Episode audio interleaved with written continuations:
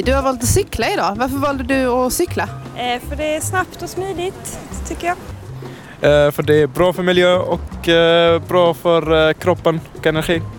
Jag får behöva komma lite snabbt fram. och, eh, En, bättre än att gå tycker jag. Hur tycker du det är att cykla i Lund? Jag tycker det är det bästa sättet att ta sig fram här i Lund. Det är snabbt och smidigt.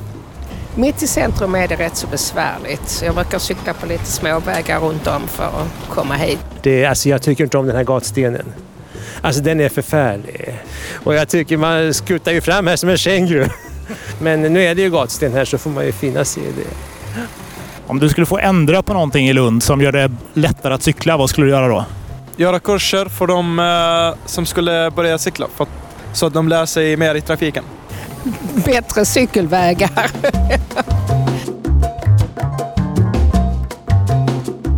Hej och välkomna till Esplanad, en podd om staden, trafiken och framtiden, producerad av Trivector. Jag heter Caroline Ljungberg Jag heter Ulf Eriksson. och i förra avsnittet så pratade ju vi om självkörande fordon och hur de här kommer att påverka framtiden och vilka effekter de här fordonen kommer att ge oss. Ehm, idag ska vi prata om någonting helt annat och vi har en ny intressant gäst med oss. Han är just nu aktuell med sin nya film om Zlatan, den unge Zlatan. Vår gäst idag är Fredrik Gerten som är filmare och journalist. Eh, Fredrik har fått stor uppmärksamhet i Sverige och eh, inte minst internationellt för filmer som Bananas och eh, Big Boys Gone Bananas som har skildrat och granskat olika ting inom fruktindustrin kan man säga. Och det senaste året har Fredrik ägnat sig mycket åt filmen Bikes vs Cars. Välkommen hit Fredrik. Tack så mycket. Hur är läget? Jo, det är bra. Det är bra. Jag- Det, på tal om självkörande bilar, så jag var i Paris nu. I, jag kom hem i, sent i natt. Ehm, och där var jag ute på just en sån, här stor mässa, stor europeiska mobilitetsmässan. Som då hade fokus på public transport. Och precis innanför entrén där så var det, hade Mercedes den, liksom den flottaste montern med en stor glassig självkörande bil. Som såg verkligen ut som en sorts direktörsmötesrum insides. Och det var ju liksom ganska provocerande för att eh, det har liksom in- inte ett skit att göra med public transport. Men de hade köpt den bästa spotten på, på, eh, på hela den här gigantiska eh, eh, mässan. Så det, man ser att de är igång, bilindustrin. De har inte gett upp än.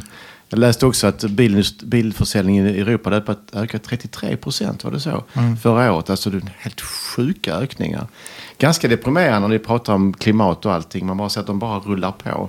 Men de är duktiga på att se, få det att se härligt ut i den här montern, eller hur? Alltså jag tyckte det såg... Det var, jag, jag kom dit med, med Paris eh, miljöborgmästare. Och han var, han var ganska upprörd för att eh, vad har det här med... Vad, har det här, vad, vad gör de här överhuvudtaget? Men eh, ja, det var bara en liten utvikning. Kul att vara här. Kul att du vill, ville komma Ja. så här mellan två resor. Ehm, för våra lyssnare som inte har sett eh, Bikes vs Cars, den här filmen som hade premiär i mars 2015, om jag minns det rätt. Eh, vill du berätta lite om filmen? Alltså filmen är ju en sorts undersökning i varför städer ser ut som de gör. Och att eh, det som ibland kan uppfattas som en sorts naturlig utveckling att bilen dominerar. Att det, det är faktiskt eh, inte är så naturligt utan det är liksom en sorts lobbystyrd utveckling. Och då, den berättelsen tar då sin ursprung i Los Angeles som ju var, en gång hade världens bästa kollektivtrafik och plötsligt har den sämsta. Det är också en stad där 20 procent cyklade för 100 år sedan. Varje dag är det liksom knappt en procent som cyklar. Så att jag tittar in i det och sen har jag varit i Sao Paulo, Brasilien där eh, som är, representerar ett av de här länderna där bilförsäljningen ökar väldigt dramatiskt. Och för att se vilken press det sätter på, på medborgarna där, när folk bara inte kommer fram. Och det är ju det som den här 33 procenten mer bilförsäljning. Man tänker också var, var ska de här bilarna parkeras? Var, var tar de plats? va? Eh, så det är ju det är, de, det är det jag tittar in i. Sen är det, så följer jag några människor som, som är, lever mitt i detta. Eh, ja. Men ni får se filmen helt enkelt. Jag, kan, Ja, jag tog med mig en liten present där bara för att ni Åh. ska... filmen i. DVD-format. En DVD, varsågod. Den finns, den, den är, finns med eh, undertexter på fem språk om ni har, om ni har vänner Mm. Om som... man är språkkunnig. Ja. Nej, men har vänner från olika länder som kanske vill se den. kan man verkligen. tänka sig. Så att, eh, men den finns också och, på något som heter Vimeo on demand. kan man gå in och... Om man nu av någon konstig anledning inte har sett den. Eller kanske bara har sett SVT-versionen. För SVT sänder bara en tv-timme. Och den riktiga filmen är ju, är ju 90 minuter. Så jag tycker ni ska se den riktiga filmen. För där får man hela resan. Vi måste ju då säga att vi har ju faktiskt sett den riktiga filmen. Ja, Båda jag, två. Eh, jag tittade faktiskt på den på nattåget ner från Stockholm igår. Och eh, jag blev väldigt berörd av inledningen av filmen. som Den inleds med sirener och man ser en ambulans som försöker ta sig fram i en stillastående bilkö. Och det går inte. Eh, jag blir berörd av det. Jag tänker, hur, vad känner du när du ser den scenen? Eller vad tänker du? Nej, men jag, jag var ju där och filmade den här ambulansen som satt fast i trafiken. Och det, den ursprungstagningen, nu är det ju i filmen är det bara 20-30 sekunder eller, kortare. Men det var nu fem minuter som den satt fast där. Hur, undrar vad det för människa som låg inne i den här bilen. Alltså hur är det att bo i en stad där, där inte ens ambulanserna kommer fram? Eh, I Sao Paulo är snittpendeltiden tre timmar om dagen. Alltså för att folk kommer till och från jobbet. Och, eh, men bilförsäljningen ökar dramatiskt. Alltså det är ju det, det, är det som är liksom den stora galenskapen. Som nu då multipliceras i nästan hela världen. Eh, I en tid där vi pratar om, eller borde prata om, klimat och, och så. Jag tänkte att jag skulle fråga dig vem som, som gav mest intryck av alla de här personerna som var med i filmen. Den som ger mig stark, eller som ger starkast intryck på mig är ju eh, Alina som man får träffa allra först i Sao Paulo. Och hennes kamp för cyklingen i Sao Paulo som är fantastisk. Har du fortfarande kontakt med Alina? Aline har jag Aline. kontakt med, med väldigt ofta. Hon har precis fått ett litet barn. Eh, som hon nu cyklar omkring med. eh, nej, men hon, eh, hon kämpar på. Det har varit väldigt kul för att eh, filmen har ju visats väldigt mycket i Brasilien. Den gick på bio i nästan alla större brasilianska städer och så har den visats på många, många. Så hon har liksom fått en, hon har fått en, en sorts ny ställning tack vare den här filmen. Så att hon är ute mycket och pratar. Och, och det finns väldigt mycket att göra. Men det, men det häftiga är ju också att eh, när, när jag kom dit och började filma med henne så var ju känslan av att ja, vi gör det vi gör men vi tror inte att det finns en större chans till någon förändring. Men sen har de faktiskt lyckats få hål på dem. De, och det jag råkade liksom följa det skeendet då det kom in en ny borgmästare som, som då hade det som en sorts modernt mindset. Där han förstod, okej men här kanske vi ska göra någonting. Som då han har på, på ganska kort tid eh, lagt in 400 kilometer eh, cykelbanor, tagit bort en massa parkering. Och det, och det projektet bara fortgår. Och på den allra största, den mest symboliska eh, avenyn i Sao Paulo som heter Paulista. Som ju verkligen är den, den sträckan man kan snabbast ta sig fram i den stan. Där är det nu en stor cykelbana. Och nu, nu för tiden stänger man av hela Paulista varje söndag. Så alla kan cykla. Och det är liksom en... Det är nästan en sorts revolution eh, för, för de som bor där. Och, och antalet cyklister har ökat dramatiskt bara nu, nu det sista året. Så. Och, det, och det bara fortsätter. Men det är också ett motstånd. Alltså folk som är bilägare eller folk som har butiker i vissa lägen blir också irriterade. Skolorna till exempel är oerhört irriterade om de får en cykelbana framför för att då kan inte föräldrarna komma till med sina bilar. Man kan kanske tänka också att det får, det får, liksom får lov att ta lite tid innan vi förändrar trafiksystemet till ett mer hållbart alternativ. Vi har ju byggt upp där bil, eh, den stora bilinfrastrukturen under ganska lång tid. Att man kanske kan, det är häftigt att höra att det händer så mycket på, på kort tid och att man också på det långa loppet kan se ännu större förändringar. Ja, alltså det som... Nu är ju Brasilien och Latinamerika är ju någonting annat än Sverige och så. Men, men jag träffade en av cykelplanerarna från eh, Bogotá, Colombia. Eh, och där i Bogotá har ju då den, den gamle borgmästaren är tillbaka nu. Han som, eh, som eh, en gång skapade, som gjorde Bogotá intressant för, eh, för cyklar. Eh, men deras tanke är att vi ska inte snacka så mycket, vi ska bara göra det. Inom en mandatperiod. För sen kommer någon annan och bara river upp alla planer. Det finns liksom inte, det är inte lika hållbara, plan, planeringen är liksom mer, nu kör vi. Och sen så kommer någon ny in och bara säger stopp på allt. Um, och så idén där i Sao Paulo är precis, han hade fyra år på sig. Och då är det bara att köra va? och så ta de protester som kommer. Men hopp, och med förhoppningen av att kunna förändra förändra eh, verkligheten. I Colombia var det så, nu, nu har jag tappat nämna, han heter Peñalosa, just det. Enrique Peñalosa som ju nu är tillbaka som borgmästare. Men han var ju då borgmästare för 10-15 år sedan i, eh, i eh, Bogotá. Och, och genomförde då inte bara stora cykelsatsningar utan också den här stora snabbusssatsningen som ju är en sorts billig tunnelbana som eh, Bogotá införde.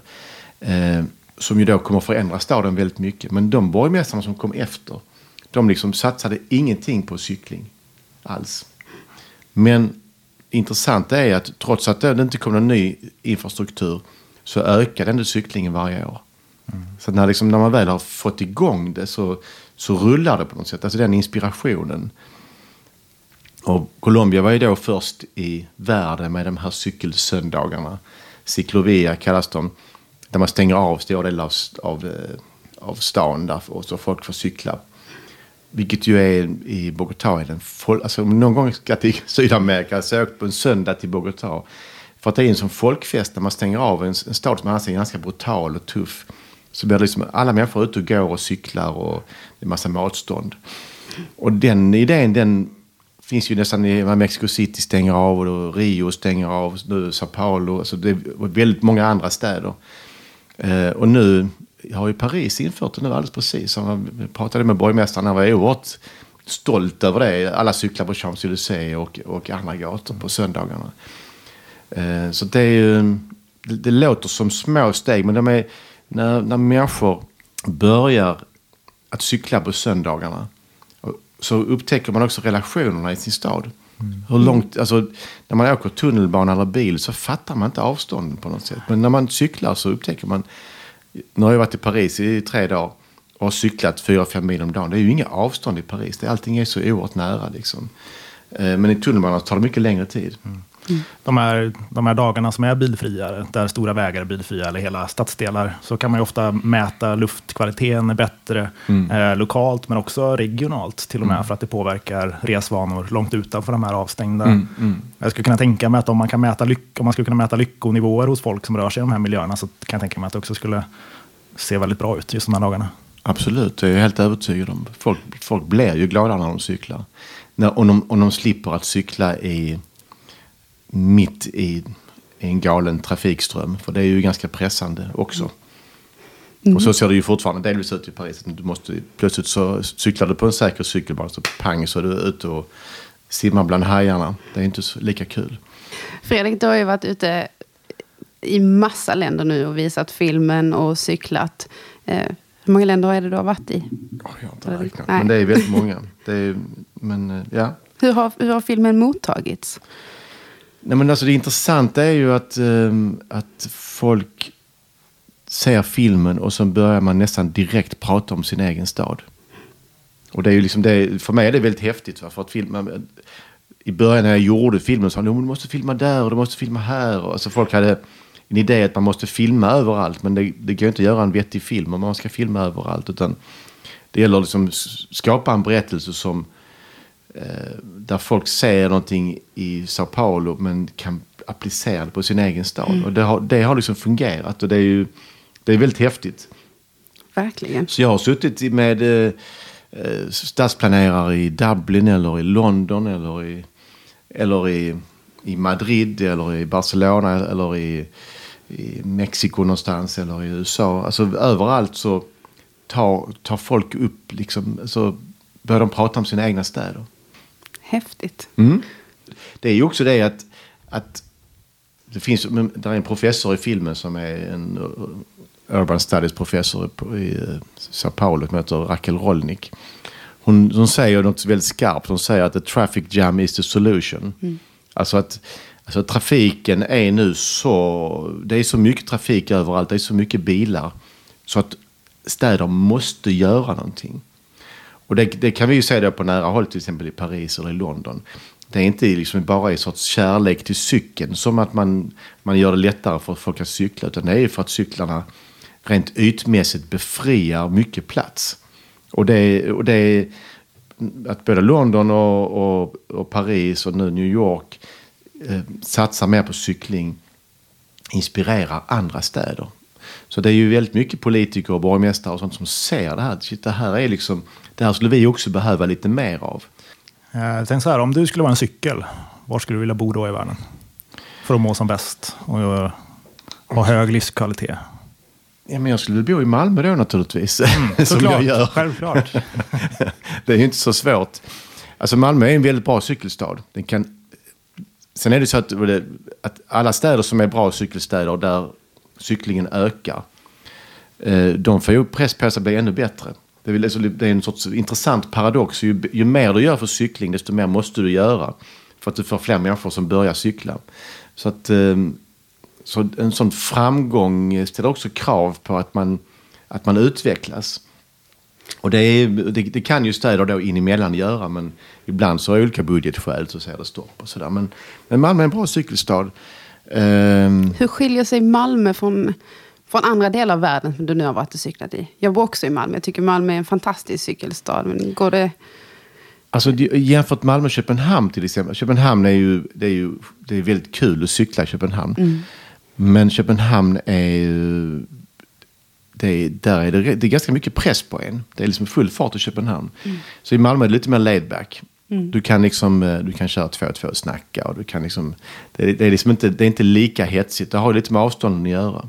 Stockholm till exempel är ju, är ju, en, ja, det är ju inte så bra cykelstad.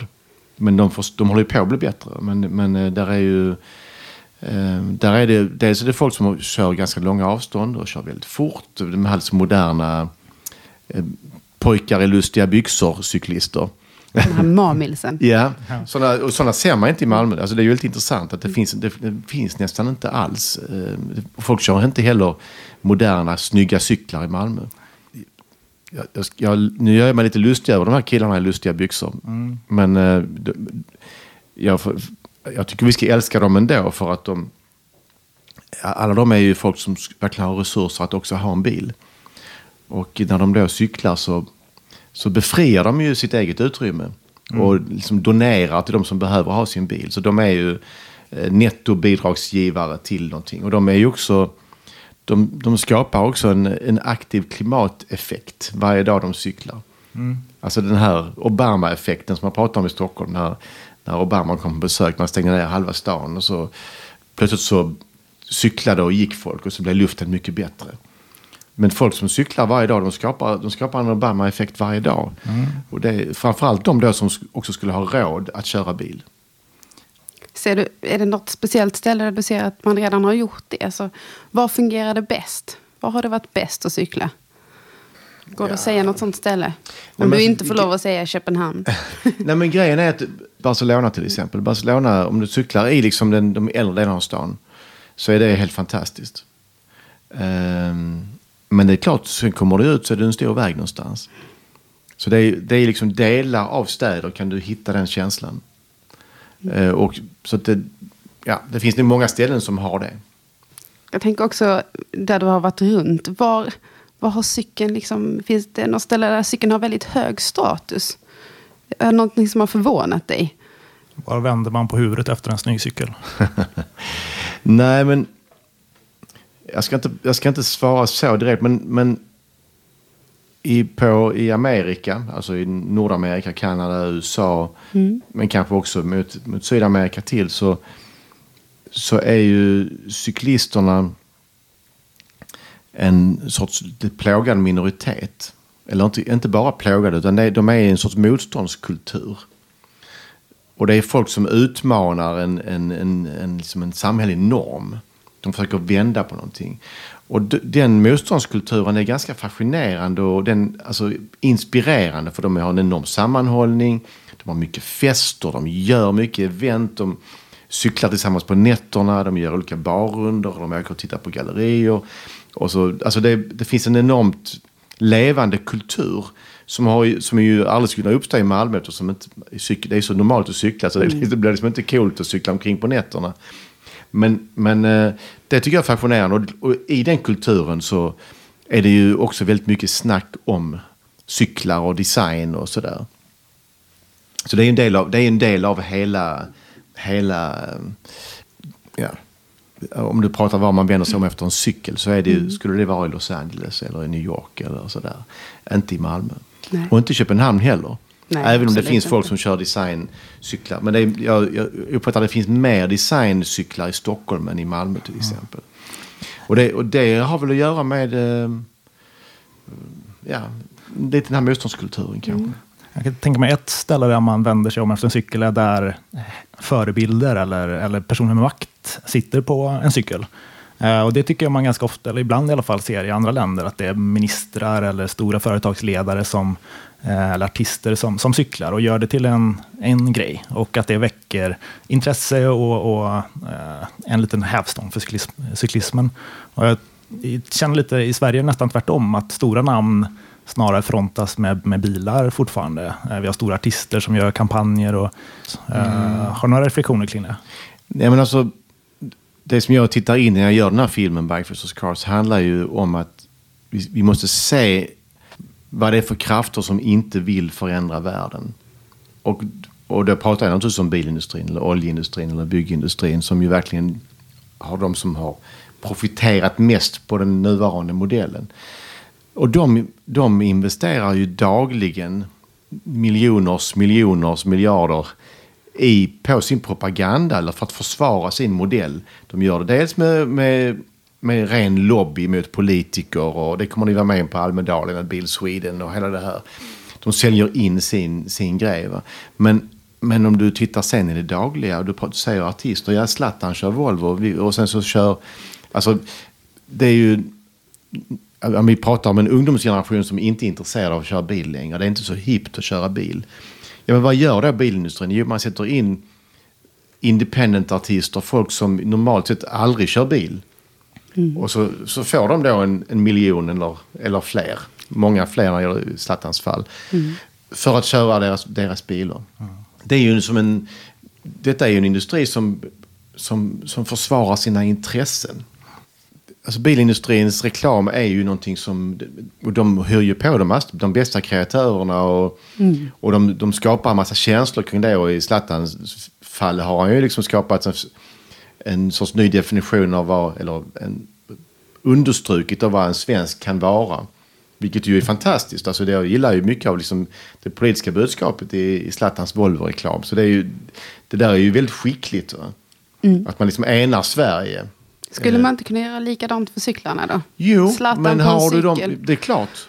Men, eh, men eh, vem har de pengarna? Alltså det är ju det som är grejen. Alltså det är ju en, det, det, det, offentliga samtalet, det investeras enorma pengar i det vi ska prata om. Om vad som är viktigt. Det är därför vi har en lobbystyrd stadsutveckling.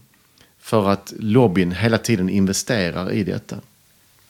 Jo, jag funderade på om du har något speciellt, eh, någon speciell händelse eller något speciellt roligt minne från alla de här resorna som du har varit på. Jag var i, eh, förra våren i, mm, på flera olika ställen i Mexiko och visade filmen.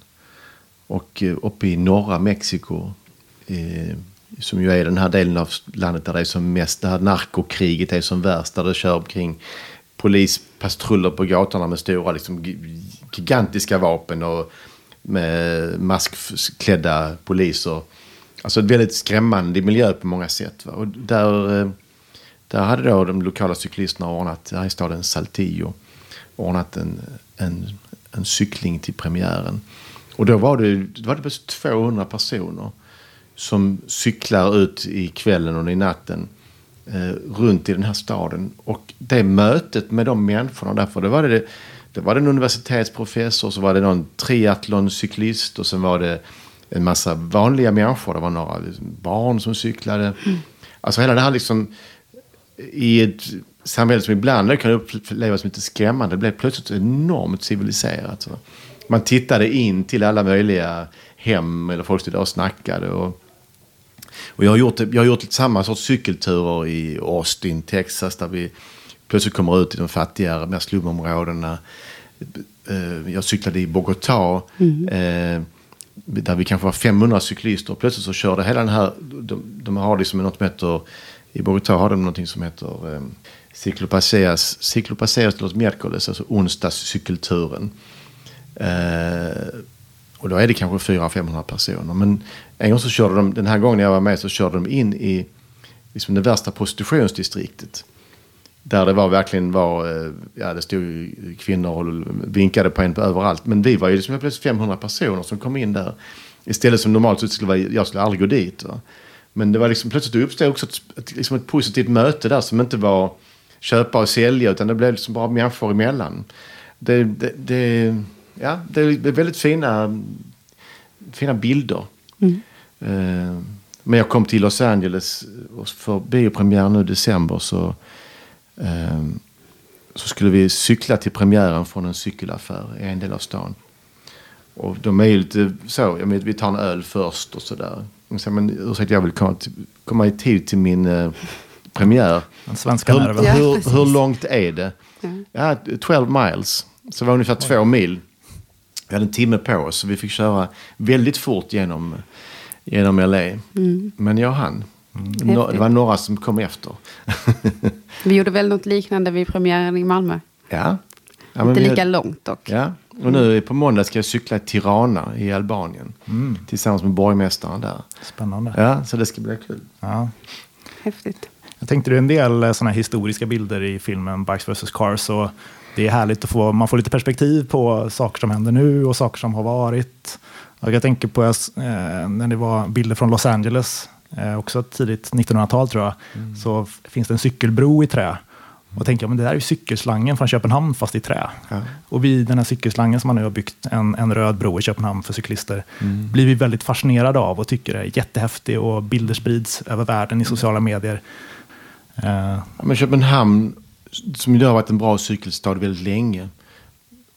Plötsligt nu så sagt, satsar man på att göra liksom coola, snygga cykellösningar. Som ju naturligtvis också är rena trafiklösningar. Men, men där designen blir viktig. Och den blir då, en, det blir då plötsligt liksom en del av...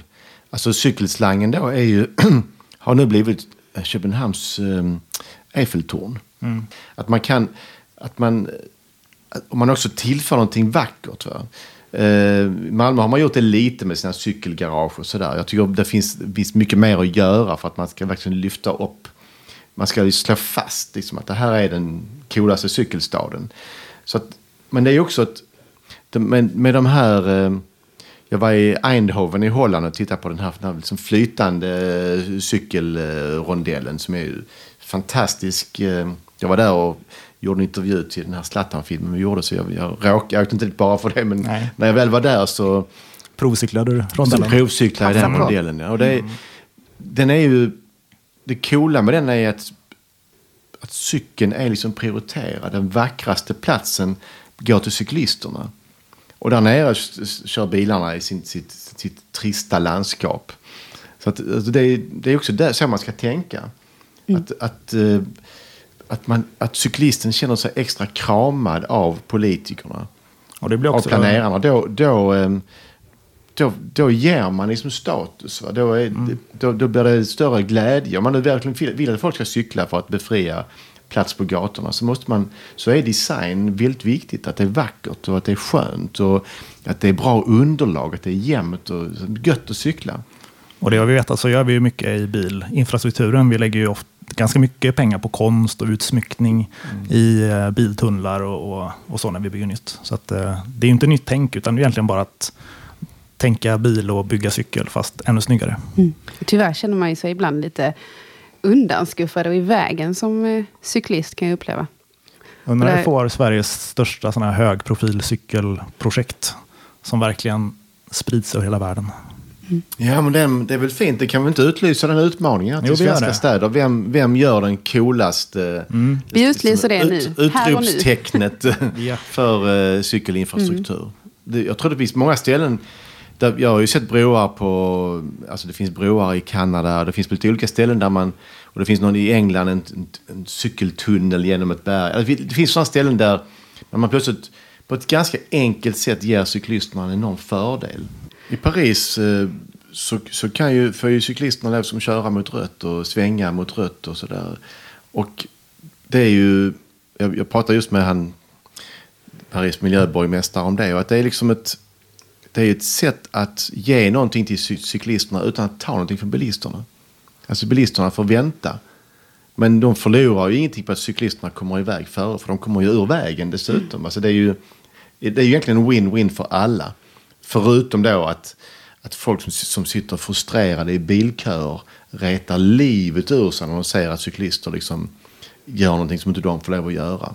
Och det är, där, det är också den, det där vi och dem-tänket som vi, vi behöver bryta naturligtvis. Ja, och det är så lustigt för de allra flesta av oss är ju mobilister ändå. Ja. I olika eh, grad, olika skalor. Mm. Att jag kör bil, jag cyklar, jag promenerar, jag åker tåg, jag åker båt, ibland flyger jag. Mm. Eh, Jag flyger jättemycket. ja, du ser. Men du cyklar och kompenserar det när du väl kommer fram. Försöker. Precis.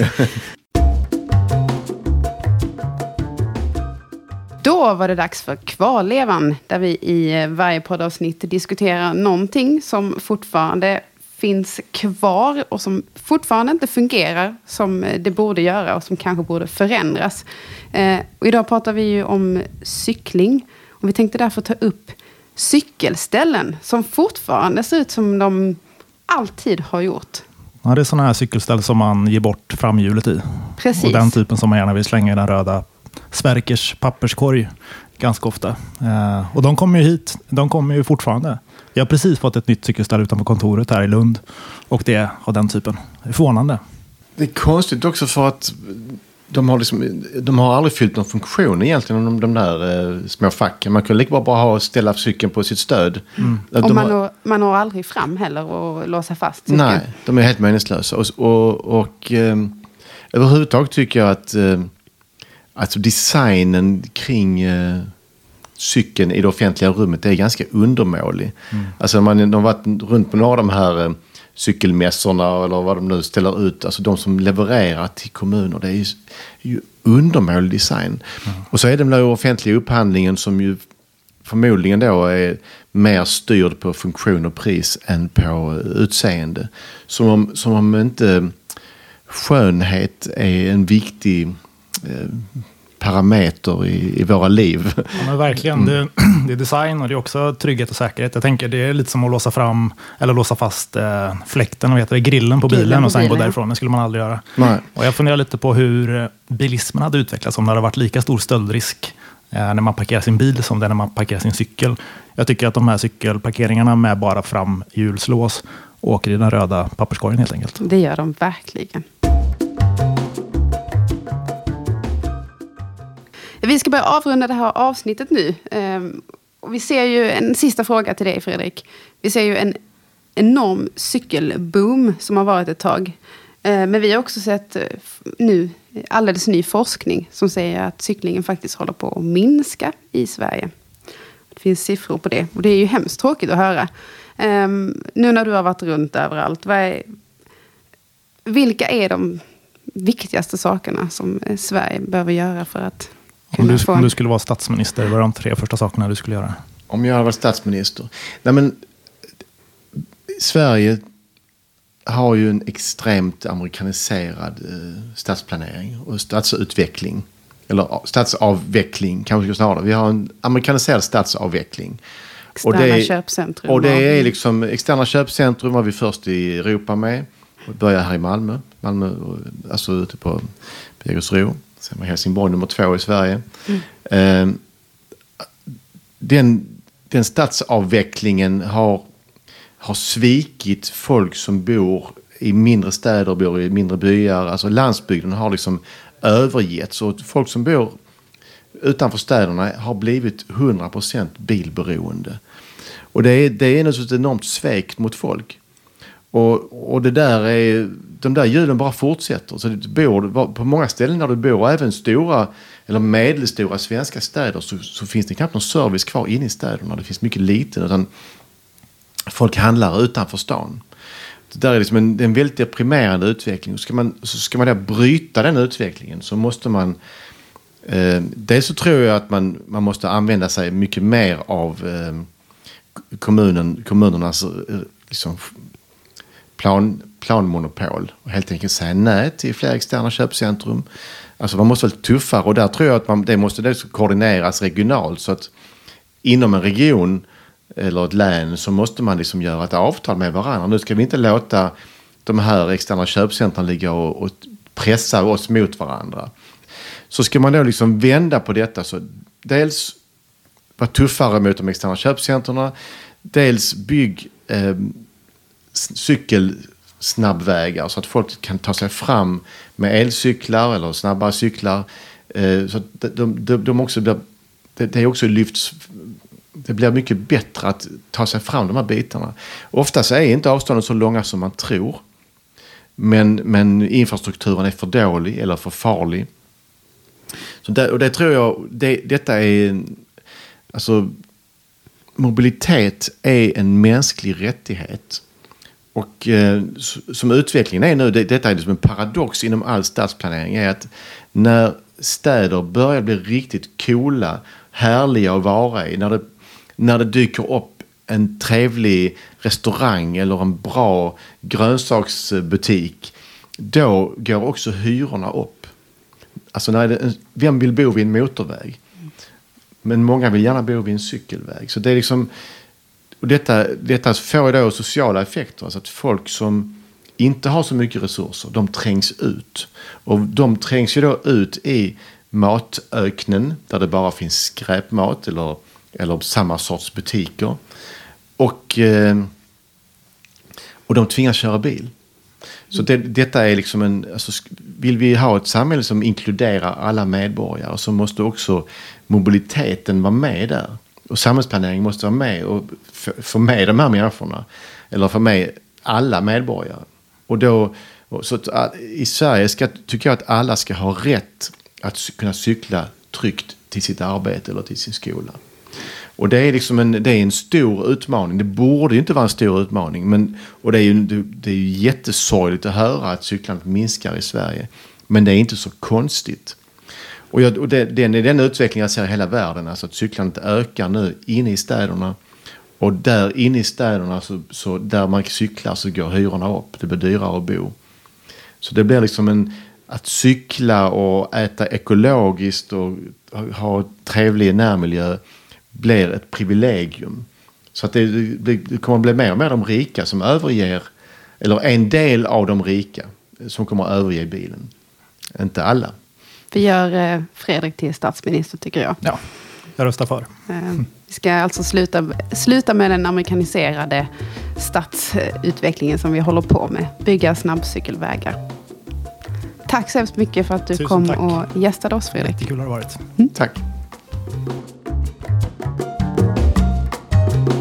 Vill du veta mer om podden eller om Trivector? Besök då trivector.se.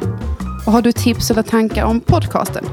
Hör av dig till esplanad.trivector.se.